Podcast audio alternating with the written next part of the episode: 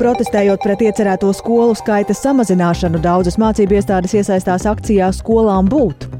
Sadarbība starp Stradiņas slimnīcas jaunā korpusa būvnieku un slimnīcu karājas mata galā. Prasot mazināt nodokļus un birokrātisko slogu, Francijas zemnieki sāk Parīzes blokādi.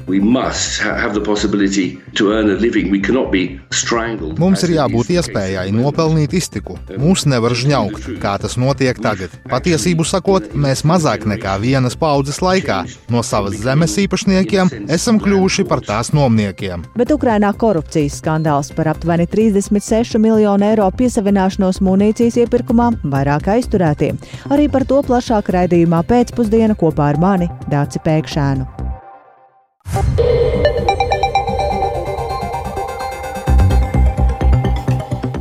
Sešpadsmit un piecas minūtes ēterā raidījums pēcpusdiena, lai plašāk skaidrotu pirmdienas, 29. janvāra svarīgākos notikumus. Studijā Dāca Pēkšēna, esiet sveicināti! Un sākam ar to, ka Vairākas pašvaldību un arī privātās skolas šodien to audzēkņi, vecāki un arī darbinieki vienojās īpašā mazo skolu atbalsta akcijām. Kopīgi dziedot valsts himnu, sanākušie aicināja valdību veidot pārdomātāku skolu tīklu reformu. Kādā ķekavas skolā šodien viesojās arī kolēģe Paula Dēvica, kura šobrīd pievienojas man studijā gatava vairāk izstāstīt par redzēto un uzklausīto Sveika Pauli un pastāsta, kur tu biji un kā tur notika šī akcija. Sveika, Dace! Jā, es šodien paviesojos Ķekavas privātajā pamatskolā Gaismas tilts 97.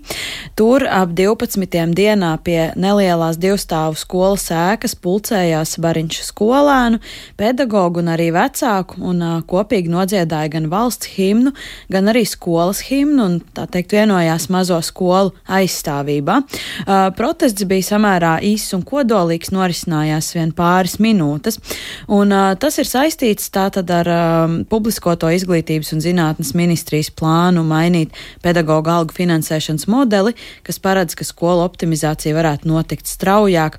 Lielā galvenā izmaiņa ir tajā, ka pašvaldībai vairs nebūs iespējas valsts naudu pārdalīt par labu mazajām skolām, un tas nozīmē, ka pašvaldības būs spiestas straujāk kārtot skolu tīklu un citādāk algas tām būs jāfinansē pašiem. Un uh, privātskolā gaismas tilts satraucas par to, vai šie jaunie skaita kritēriji varētu attiekties arī uz šīm izglītības iestādēm. Paklausīsimies, ko man stāstīja direktore Egita Heislere. Šajā brīdī mēs esam vienoti ar pašvaldībām un valsts skolām, jo katra skola ir sava kaut kāda arī kultūra vide ar savām tradīcijām, ar, ar, ar nu, respektīvi gadu gaitā izkoptām pamatvērtībām. Un uh, apgalvojumi, ka mazā skolā izglītības kvalitāte ir sliktāka, nu, neiztur absolūti nekādu kritiku. Jo uz privātskolām bērni nāk tikai tāpēc, Nu, labi, ne tikai tāpēc, bet galvenokārt tāpēc, ka tieši šeit ir mazās klases. Jā, arī šodien sanākušie vecāki skaidroja, kā atnākuši atbalstīt Latvijas mazās skolas, jo tieši mazu klašu dēļ izvēlējušies šo te konkrēto privātu skolu. Dace? Tas nozīmē, ka ir jau zināms, ka izglītības ministrijas paredzētās izmaiņas, ja tiks pieņemtas, attieksies arī uz privātskolām? Šis ir viens no joprojām daudziem neskaidrajiem jautājumiem. Tā kā šobrīd modelis ir viena informatīvā ziņojuma stadijā, tad vēl ir jāpieņem daudz lēmumu un jāgroza likumi, lai tas reāli varētu strādāt. Un uz daudzām neskaidrībām norāda arī pedagoģa arotbiedrība un pašvaldības, mudinot ministriju modeli neuzsākt no šā gada septembra, kā šobrīd ir plānots. Un atgriežoties pie skolu protestiem, tie šodien notika daudz viet Latvijā, un konkrēts skolu skaits gan nav zināms. Taču zināms, ka protestēja piemēram Piltenē, Jūrmalā, Baltinavā, Ozolniekos, arī Rīgā, un arī Ķekavas novadā gaismas tilts nebija vienīgā skola, kur vienojās šajā akcijā. Un paklausīsimies, kas sakāms pašvaldības mēra vietniekam Andrim Vītolam no konservatīviem. Faktiski jau vairāk mums ir tas, lai atbalstītu visā Latvijā skolas. Mums jau īsti nu, nav tādu draudu, jo mums uh, aug skolēnu skaits, bet nu, mēs atbalstam citus pedagogus visā Latvijā, jo mūsu tāda, nu, var teikt, pat politiskā nostāja ir tā, ka vajadzētu to Latviju attīstīt tomēr tā vienmērīgi un nebūtu pieļaujams, ka atsevišķi reģioni faktiski tiek iztukšoti. Jā, ķekavas novadā tā tad skolas slēgšana nedraud, tā sacīja Vītols, un to vai mazajām skolām šo, ar šodienas akciju būs izdevies aizklauvēties līdz ministrijas gaitaņiem, droši vien redzēsim jau drīzumā, kad šo finansēšanas modeli skatīs ministru kabinetā. Dace? Paldies Paulai Devicai. Šis noteikti ir jautājums, kuru skaidrība vēl tiek gaidīta un turpināsim sekot līdzi arī mēs, bet īstas skaidrības man nav arī kādā citā jautājumā. Mata galā karājas Stradiņas slimnīcas un tās jaunā korpusa būvnieku uzņēmuma Velve sadarbība.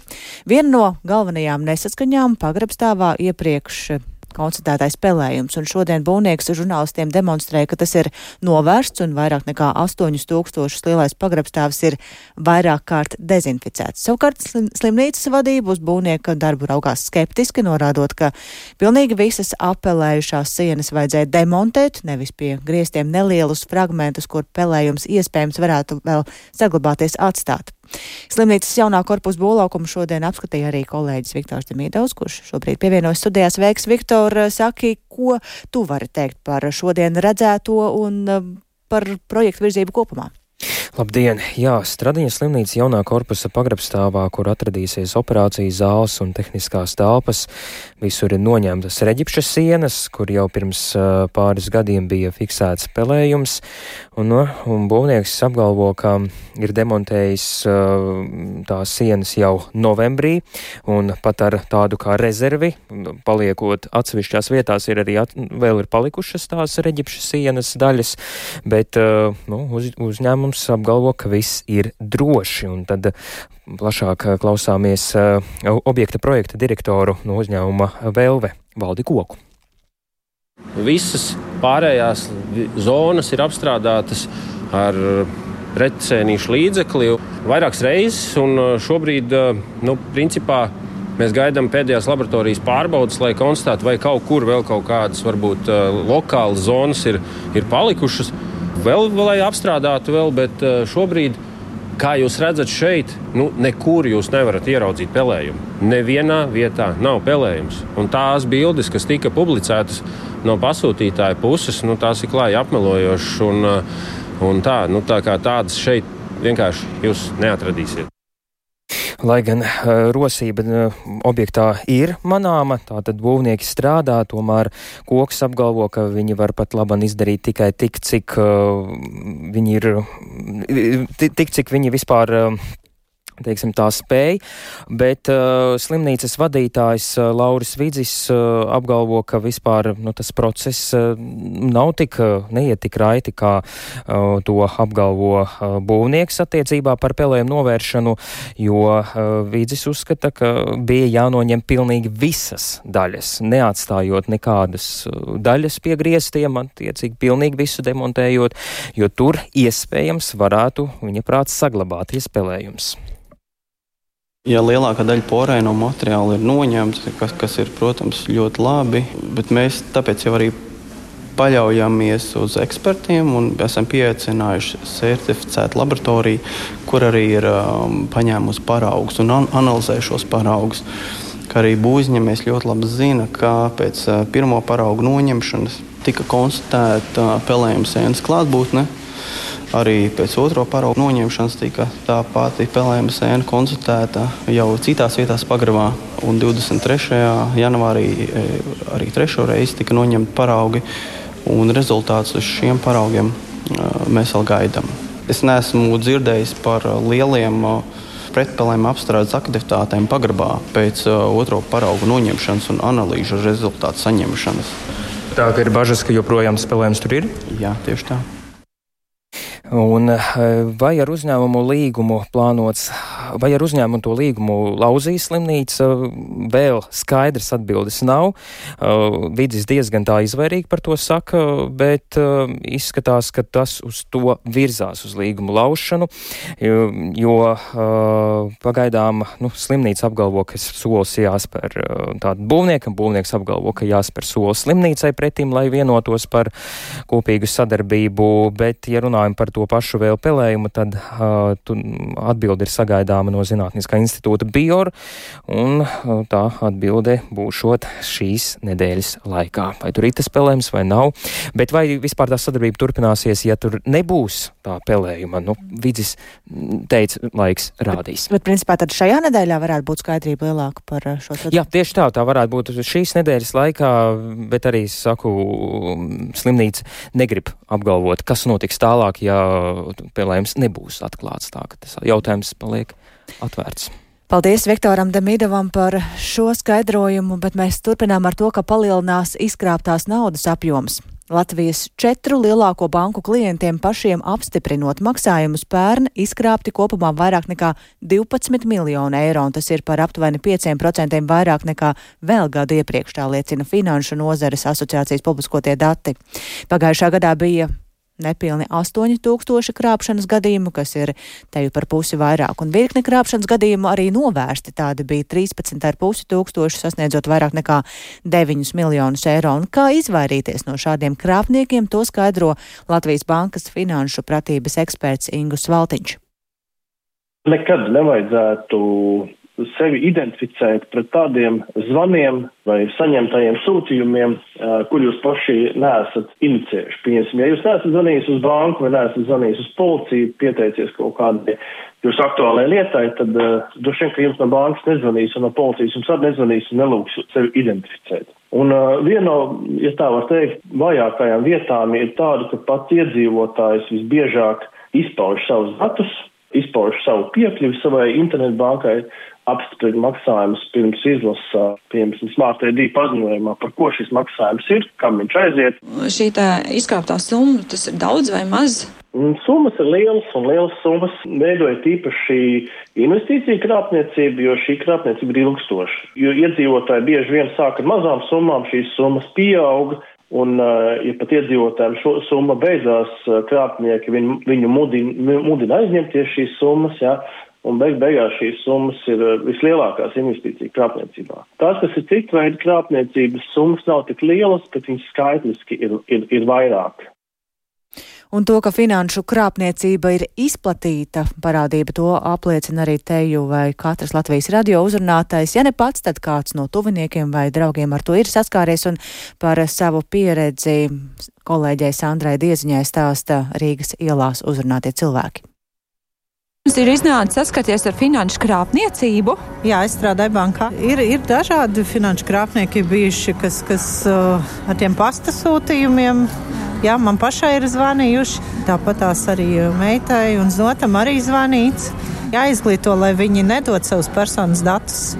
Jā, telefoniski, vai lai viņiem ir tā tāds, nu, tāda čekliste jā, ar atbildēm, ko vai nu, vai nu viņš var vēlāk atbildēt, vai nu, nu kas, ka, piemēram, pasargātu viņus.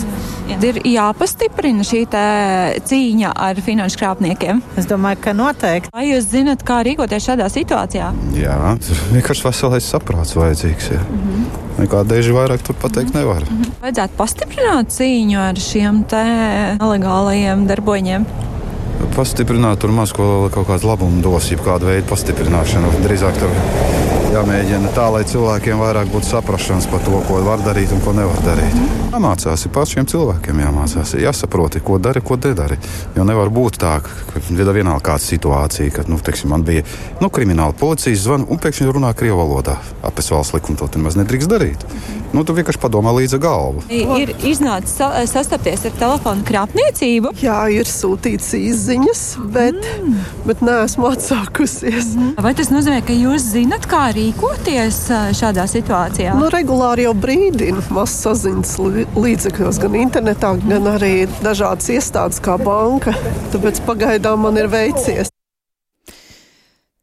Tā Rīgas ielās aptaujātie Latvijas radio aptaujātie cilvēki, bet kā mainīsies pēc, kas mainīsies pēc Liepājas universitātes pievienošanās RTU un uz kādiem sasniegumiem cer Latvijas vīriešu florbola izlase šodien oficiāli sākot gatavoties pasaules čempionāta kvalifikācijas tur turnīram. Tie arī būs daži no tematiem vairāk raidījuma pēcpusdienu turpinājumā.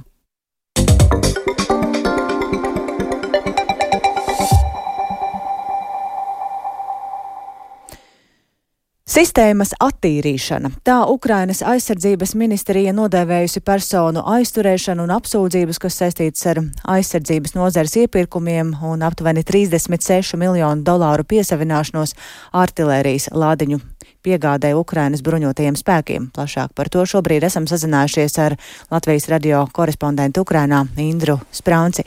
Sveiki, Indra! Kāda šobrīd, kas šobrīd ir zināms par munīcijas piegādes eh, jaunāko skandālu Ukrainas armijā?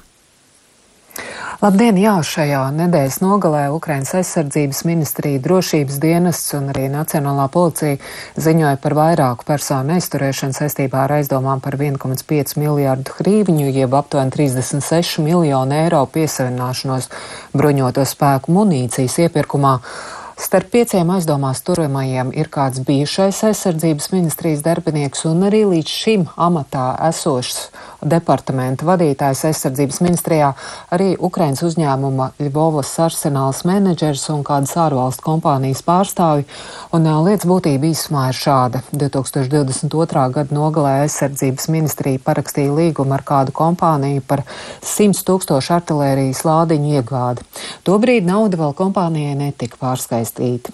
Vēlāk aizsardzības ministrijas jaunizveidotā speciālā aizsardzības iepirkuma aģentūra atrada daudz izdevīgāku veidu, kā iegādā, iegādāties šo munīciju no piegādātājiem, piegādātājiem patiešo un tādējādi ievērojami arī pātrinot piegādes un arī preci iegādājoties par zemāku cenu. Bet, neskatoties uz šo te jauno līgumu, aizsardzības ministrijas ierēdnis nolēma pagarināt iepriekšējo līgumu ar starpnieku firmu un vēl arī pārskaitīja uz starpnieku ārvalstu kontiem apmēram 36 miljonus eiro. Nu, tāda Tādējādi arī pārmaksājot aptuveni 30% vairāk nekā paredz uh, munīcijas um, iegādi pat tiešo no, um, ar um, līgumā ar ražotāju. Ministrijai gan naudu šobrīd esot izdevies atgūt valsts budžetā, bet krimināla process pret iesaistīto grupu ir sākts un šobrīd ir notikusi visies iesaistīto aizturēšana. Uh, kratīšanas, uh, tajā skaitā arī pie pašas aizsardzības ministrijas um, esošajiem bijušajiem darbiniekiem, un kā ziņo vietējie mediji veicot procesālās darbības darba un dzīves vietā, policija arī atradusi dokumentus, kas apliecina šīs nelikumīgās darbības. Tāds diezgan skaļš gadījums, līdz ar to gribas vaicāt, kāda ir sabiedrības reakcija uz notikušo? Jā, jāsaka, ka šobrīd vēl īsti nav jūtama nekāda reakcija saistībā ar, ļoti, nu, ar šo konkrēto iepirkumu. Ja pie mums kādus būtiskus nepatīkamus lēmumus amatpersonas dažkārt mēdz paziņot piekdienu vakaros pēc pulksten 17, tad izskatās, ka te Ukrainā tie ir vēlu brīvdienu vakari un tiesības sargi par šīs grupas aizturēšanu ziņoja sestdien pēc desmitiem vakarā, kad jau daļa sabiedrības droši vien bija devusies pie miera. Bet tikmēr, protams, publiskā paziņojumā Ukrainas aizsardzības ministra vietnieks Dmitro Kļimenkovs norāda, ka Ukrainas aizsardzības ministrija turpina citēju bezkompromisu cīņu pret tiem, kas izkrāp naudu no ieroču piegādes. Mums nav vietas korumpētiem cilvēkiem, tā paziņoja ministra vietnieks. Viņš arī norāda, ka Ukrainas aizsardzības ministrija cīnās, diemžēl šobrīd ne tikai pret Krievu okupantiem, bet arī pret iekšējiem nodevējiem, taču um, amatpersonas uzsver neiecietību pret jebkādu korupciju un sola, ka šis uh, darbs turpināsies. Un, protams, tādā vispārīgā līmenī sabiedrībā ir jaušama liela neapmierinātība ar korupciju. To dažādās aptaujās Ukrainas iedzīvotāji vairāk kārtīgi ir atzīmējuši arī kā otru lielāko problēmu Ukrainā uzreiz pēc kara, un arī pagājušā nedēļā Kīivas centrā bija sapulcējušies daži cilvēki prasot prezidentam aktīvāku cīņu pret korupciju. Paklausāmies šī protesta uh, akcijas organizators pretkorupcijas nevalstiskās organizācijas Sprotiv pārstāvis Marijas Barbašs sacīto, kāpēc viņa šo akciju Kīvā organizējas tieši prezidenta Volodimira Zelenska dzimšanas dienā, kas bija pagājušā ceturtdienā. Paklausāmies! На жаль, ми не бачимо активної боротьби з корупцією. Diemžēl mēs neredzam aktīvu cīņu pret korupciju. Cīņa pret korupciju ir tikpat svarīga kā cīņa pret iebrucēju. Tas ir mūsu iekšējais ienaidnieks, kura dēļ mēs nevaram daudz saražot ieroču. Tā nauda, diemžēl, tiek nozagta. Jā, un piebildīšu, ka nevalstiskā organizācija šādus protestus rīko regulāri, bet eh, daudz cilvēku gan uz šo pasākumu neapmeklē, nebija klāt. Tiesa, pēdējā laikā gan arī šeit Ukrainā ir manām aktīv, manāms aktīvāks darbs korupcijas izskaušanā, un šajās dienās arī Ukrainas aizsardzības ministrs Rustems un Mērovs paziņojis, ka reģionos dažādās vietās, tajā skaitā noliktavās un militārajās daļās, kur glabā militāro aprīkojumu, notikšot neplānotas pārbaudas lai novērstu iespējamos pārkāpumus. Paldies par plašāku skaidrojumu Indrai Sprancē. Tātad turpinās Ukrainas centieni izskaust korupciju, ir aizturēts vairākas amatpersonas un arī parādās prasības to darīt aktīvāk. Bet citviet Eiropā aizvien turpinās lauksēmnieku neapmierinātība. Piemēram, protestējošie Francijas zemnieki ir sākuši valsts galvaspilsētas Parīzes blokādi, lai panāktu valdības piekāpšanos viņu prasībām samazināt nodokļus un birokrātisko slogu. Savukārt valdība mobilizējusi tūkstošiem likumsargu, lai nepieļautu, ka lauksaimnieki bloķē stratēģiskas nozīmes objektus, piemēram, lidostas, un novērstu, ka zemnieku smagā tehnika iebrauc Parīzē vai citās lielajās pilsētās. Turpin Uldis Česbers.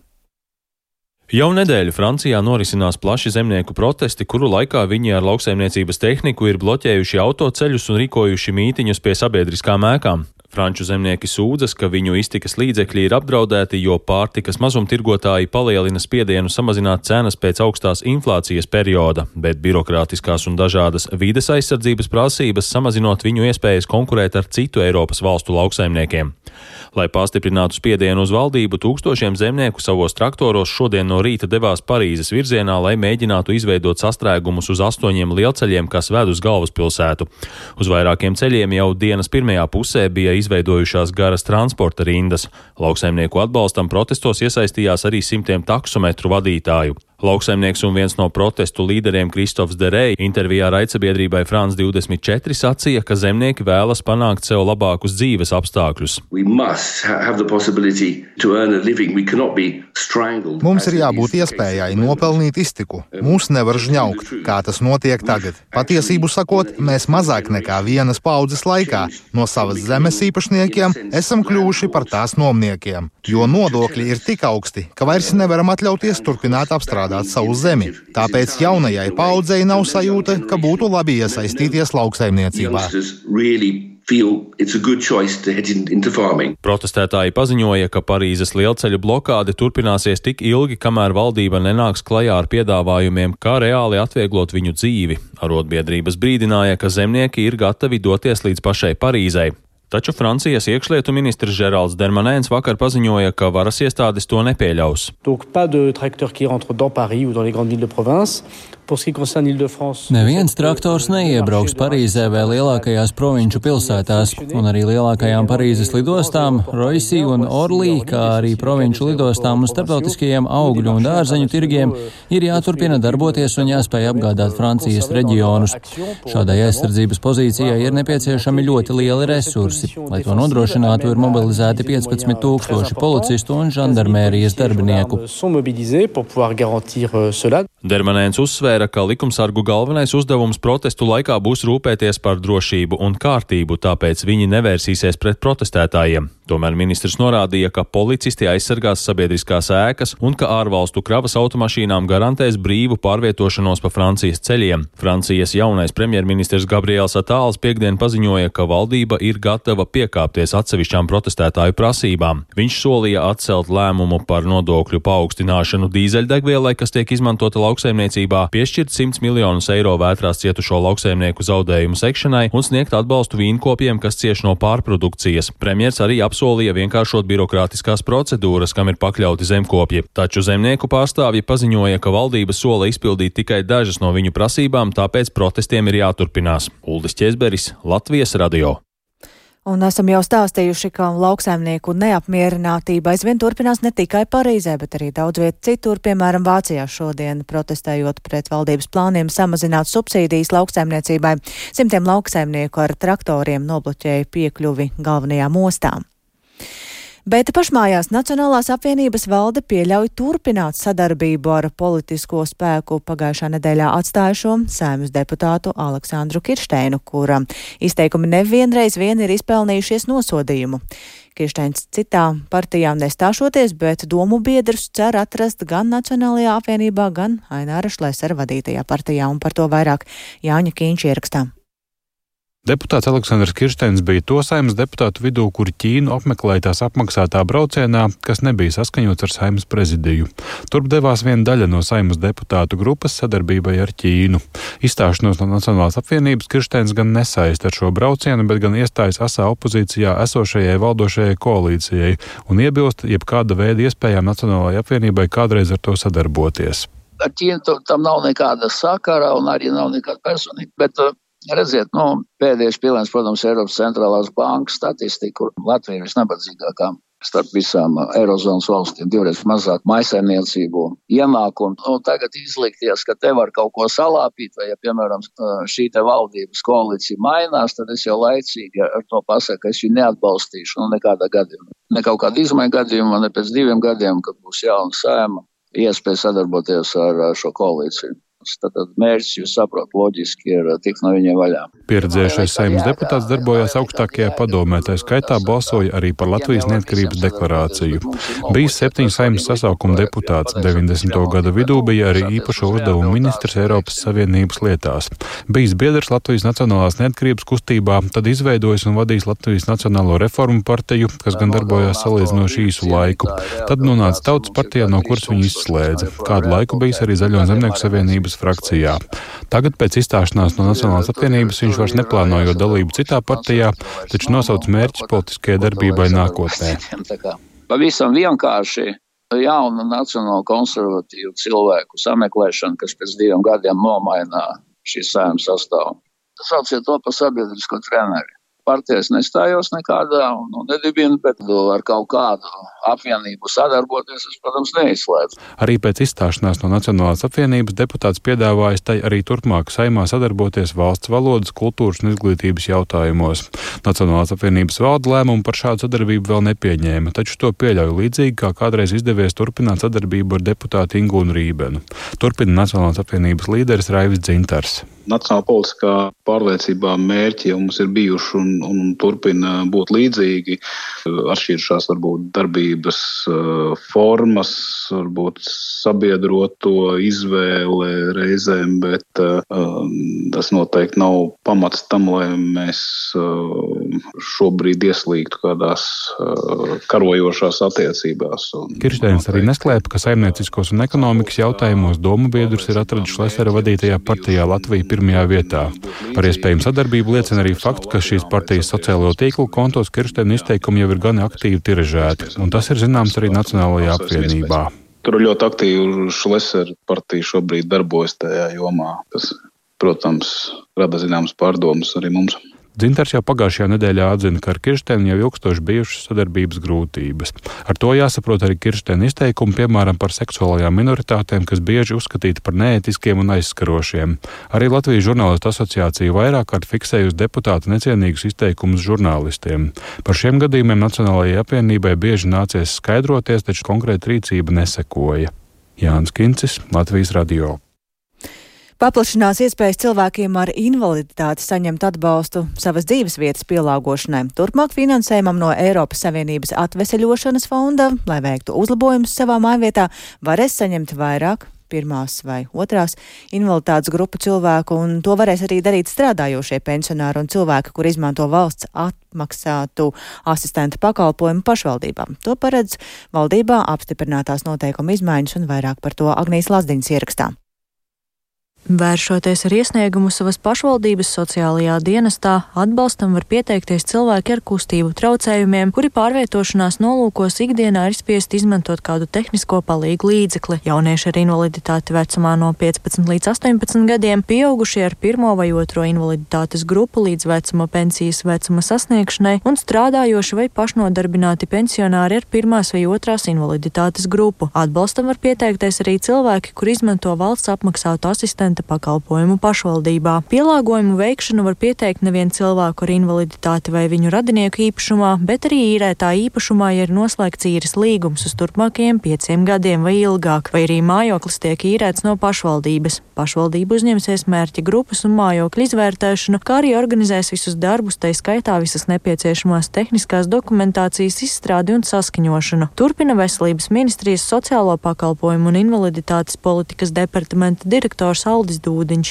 Projekta mērķis ir paaugstināt cilvēku dzīves kvalitāti un pats galvenais, lai viņiem radītu iespēju pilnīgi izmantot savu mājokli, teiksim, izmantot koplietošanas telpas un, un tā visa rezultātā viņi varētu arī iesaistīties sabiedriskajā dzīvē, tā skaitā doties uz mācībām, doties uz darbu vai citur, kur. Pielāgojumi var būt gan mājokļa iekšējās vidas pielāgošanai, piemēram, labierīcību, virtuves zonas, durvju aiļu, gan arī ārējās vides, piemēram, pacēlāju, uzbrauktuvi un pandus ierīkošanai, pārbūvēi vai atjaunošanai, tādējādi uzlabojot un atvieglojot cilvēkam pārvietošanos mājoklī, kā arī iekļūšanu un izkļūšanu no tā. Kā skaidro Rīgas domas pārstāvis Andris Izinkēvičs, projekta laikā Rīgā atbalsts plānots līdz 78 personām. Šobrīd savu mājokli pielāgot pieteikušies jau 62 cilvēki. Personas, kurš šobrīd jau ir pieteikušās projektam, lūdzu pielāgojumu lielākoties mājokļu vidas iekārtošanai, jeb iekšēji. Tas ir saistībā ar vansistabu pielāgošanu, tolis pielāgošanu, darbvietas iekārtošanu mājā. Tāpat tās ir arī iesniegumi, kas lūdz izveidot gudro mājokli. Tāpat tās ir arī cilvēki, kas lūdz ārējos pielāgojumus, ierīkot pacēlāju vai arī ierīkot pandus, lai vieglāk varētu tikt līdz savam dzīvoklim un arī izkļūt no mājas, lai varētu nu, kļūt aktīvāk šis cilvēks. Invalīdu un viņu draugu apvienības apēronas valdes loceklis Ivars Balodis norāda, ka tā ir laba iniciatīva, lai cilvēki varētu individuāli pielāgot savu dzīvojamo platību, taču, diemžēl, ir vairāki nosacījumi, kuri nesot pietiekami plaši un atbilstoši visiem cilvēkiem, kam vides uzlabojumi būtu nepieciešami, līdz ar to viņi vienkārši nespēja iegūt atbalstu. Tāpat arī piešķirtā summa nevienmēr esot pietiekama, lai nodrošinātu tādu tehnisko risinājumu, kas ir nepieciešams, jo sadārdzinājuma dēļ var gadīties situācija, ka tiek izveidota tikai daļa no tā, kas cilvēkam ir nepieciešams. Nu, piemēram, daudz dzīvi, cilvēki dzīvo nu, ne tādās mājās, kā tas ir noteikts tajos noteikumos, kur to naudu var saņemt, vai arī, piemēram, cilvēkiem ir bijuši pielāgojumi, kas nav bijuši saskaņoti būvvaldē, kā beig beigās tie skaitās par nelikumīgo būvniecību, un tev atkal ir jāiziet vesela epopeja cauri, lai tu saskaņot, ja nu, pa, pašrocīgi uztaisīto uzbrauktu vai kādu citu, kā te ierīci, ko tu esi uztaisījis pie mājām, nesaskaņojot, varbūt un līdz galam, un tad tas viss rada neapšaubām tādu situāciju, ka beig beigās liela daļa cilvēku nemaz to atbalstu nevar izmantot. Tā ir tā problēma. Kopējais projekta finansējums ir aptuveni 4,7 miljonu eiro. Viena mājokļa vidas pielāgošanai maksimāli paredzētā summa - 18,3 tūkstoši eiro. Plānots, ka caur projektu mājokļa vidas pieejamību uzlabos ap 260 cilvēkiem. Agnija Lazdiņa, Latvijas radio. Un jauns posms sācies Liepājas augstākās izglītības piedāvājumā, jo šodien parakstīts līgums par Liepājas universitātes pievienošanu Rīgas Tehniskajai universitātei. Šāda saplūšana ļaus stiprināt inženierzinātnes, inovācijas pētniecību, pedagoģiju eksaktajās un dabas zinātnēs. Vienlaikus saglabāsies arī esošās izglītības programmas un humanitārais virziens. Vairāk Inga Sozols ierakstā. Pienācis brīdis, beidzot parakstīt sadarbības līgumu.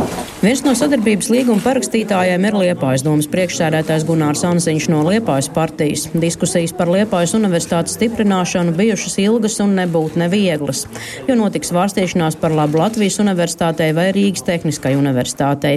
Liepājas pašvaldība jau sākotnēji mudināja pievienoties ar TU, kam pretojās pašas universitātes mācību spēku un studenti. Šajā laika posmā spējām izdiskutēt, kā saglabāt tās vērtīgākās studiju programmas, kas šodien ir Liepais universitātēm, un pievienot tās jaunās studiju programmas, kas ir RTU stiprākās puses. Multifunkcionāls ir viens no atslēgas vārdiem, uzskata pilsētas mērs. Kur līdzās rūpniecībai sadzīvo gan kultūra, gan turisms, gan arī citas nozares. Skatoties uz attīstības virzieniem, kas ir RTU liepājas ekosistēmā, mēs redzam, ka šis ir tas brīdis, kad mēs varam pastiprināt visas šīs nozares. Arī Izglītības un zinātnes ministrijas augstākās izglītības zinātnes un inovāciju departamenta direktore Diāna Laipniece uzsver, ka pasauli mainās un arī izglītības virzieni.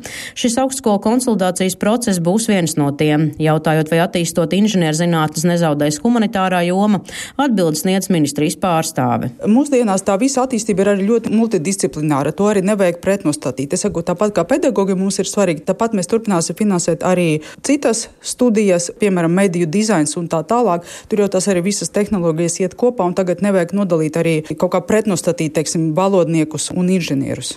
Studiju attīstības nākotnē iespējams aizvien vairāk ies uz to, ka cilvēks apgūst vairākus moduļus, pat nevis kaut kādu vienu konkrētu specialitāti. Skaidrs, ka tas paliks reglamentētajās profesijās, bet, piemēram, viņš var pamācīties, nezinu, franču valodu, programmēšanu, vēl kaut ko citu, un tādā veidā izveidot to savu kompetenci portfeli, ja tā var teikt. Rīgas Tehniskās universitātes rektors Tālis Juhne Latvijas radio skaidro, kāds būs galvenais pienesums Liepājas universitātei. Tas būs STEM inženierzinātņu un tehnoloģiju virziens, jo Liepāja attīstās kā industriāls centrs, kam vajadzīgi inženieri un zinātnieki. Būtiskas ir inovācijas un arī pedagoģijas virziens ir viena no prioritātēm, uzsver rektors. Citu šogad parakstot uh, sadarbības līgumu ar iespējamo misiju, mēs turpināsim sagatavot pasniedzējus, tieši skolotājus, jā, tieši STEM jomā galvenokārt. Mums ir pat plāns ļoti praktiski mācīt skolotājiem, kā labāk pasniegt fiziku un matemātiku. Un tieši pedagoģijas nu, šī skola, kas ir Latvijā radusies šeit, jā, tiks papildināta ar tām prasmēm, kas ir vajadzīgas tieši no inženiera virziena, no STEM un teiksim, matemātikas, fizikas pasniegšanas virziena. Liepājas universitātes rektora Dāca Medne skaidro, ka nākotnē Liepājas universitātē vairs nebūs rektora, bet vadības groži būs jāpārņem Liepājas akadēmijas direktoram. Par šādu nosaukumu balsojuši darbinieki. Par praktiskiem rezultātiem apvienošanai varēs runāt vasarā, uzskata rektore. Viss pasaule mūsdienās virzās uz um, augstākās izglītības reorganizāciju, meklējot labākos risinājumus. Šobrīd jau vairāk ir svētki, ka mēs esam tādu soli uz priekšu ilgspējai. Konsolidācijas procesā būs iespēja izmantot 10,8 miljonus eiro, kas galvenokārt tiks izmantota pētniecībā un zinātnieku atbalstam. Informācija tehnoloģijas sistēma iegādē un pilnveidēja studiju programmu pilnveidēja akadēmiskās karjeras grantiem, kā arī konsolidācijas procesa tehniskajam nodrošinājumam. Ingozola Latvijas radio kurzmē. Un nu gan par sportu. Latvijas vīriešu florbola izlase šodien oficiāli sāk gatavoties pasaules čempionāta kvalifikācijas turnīram, kas jau parīt sāksies Liepājā.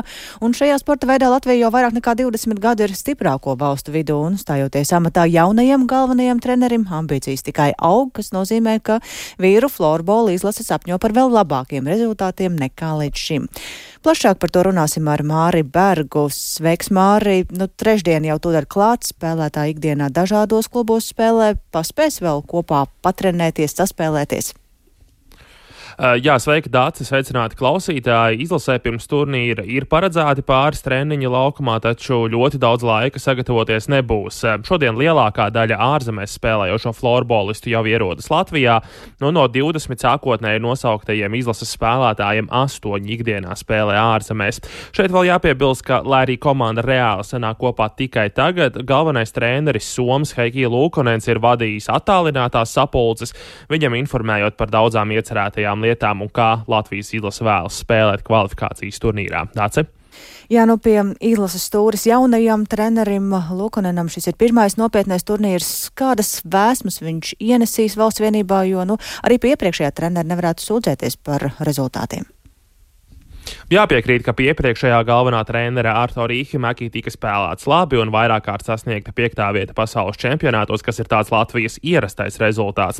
Kas attiecas uz šo jauno somu speciālistu Heikiju Lūkonenu, tad viņa vadītie klubi Somijas virslīgā bijuši starp medaļniekiem, un ar Somijas U-19 florbolistiem viņš kļuvis par pasaules čempionu. Kā tad šis speciālists vēlas strādāt ar Latvijas izlasi un ko viņš virza par prioritāti, lai stāsta pats treneris?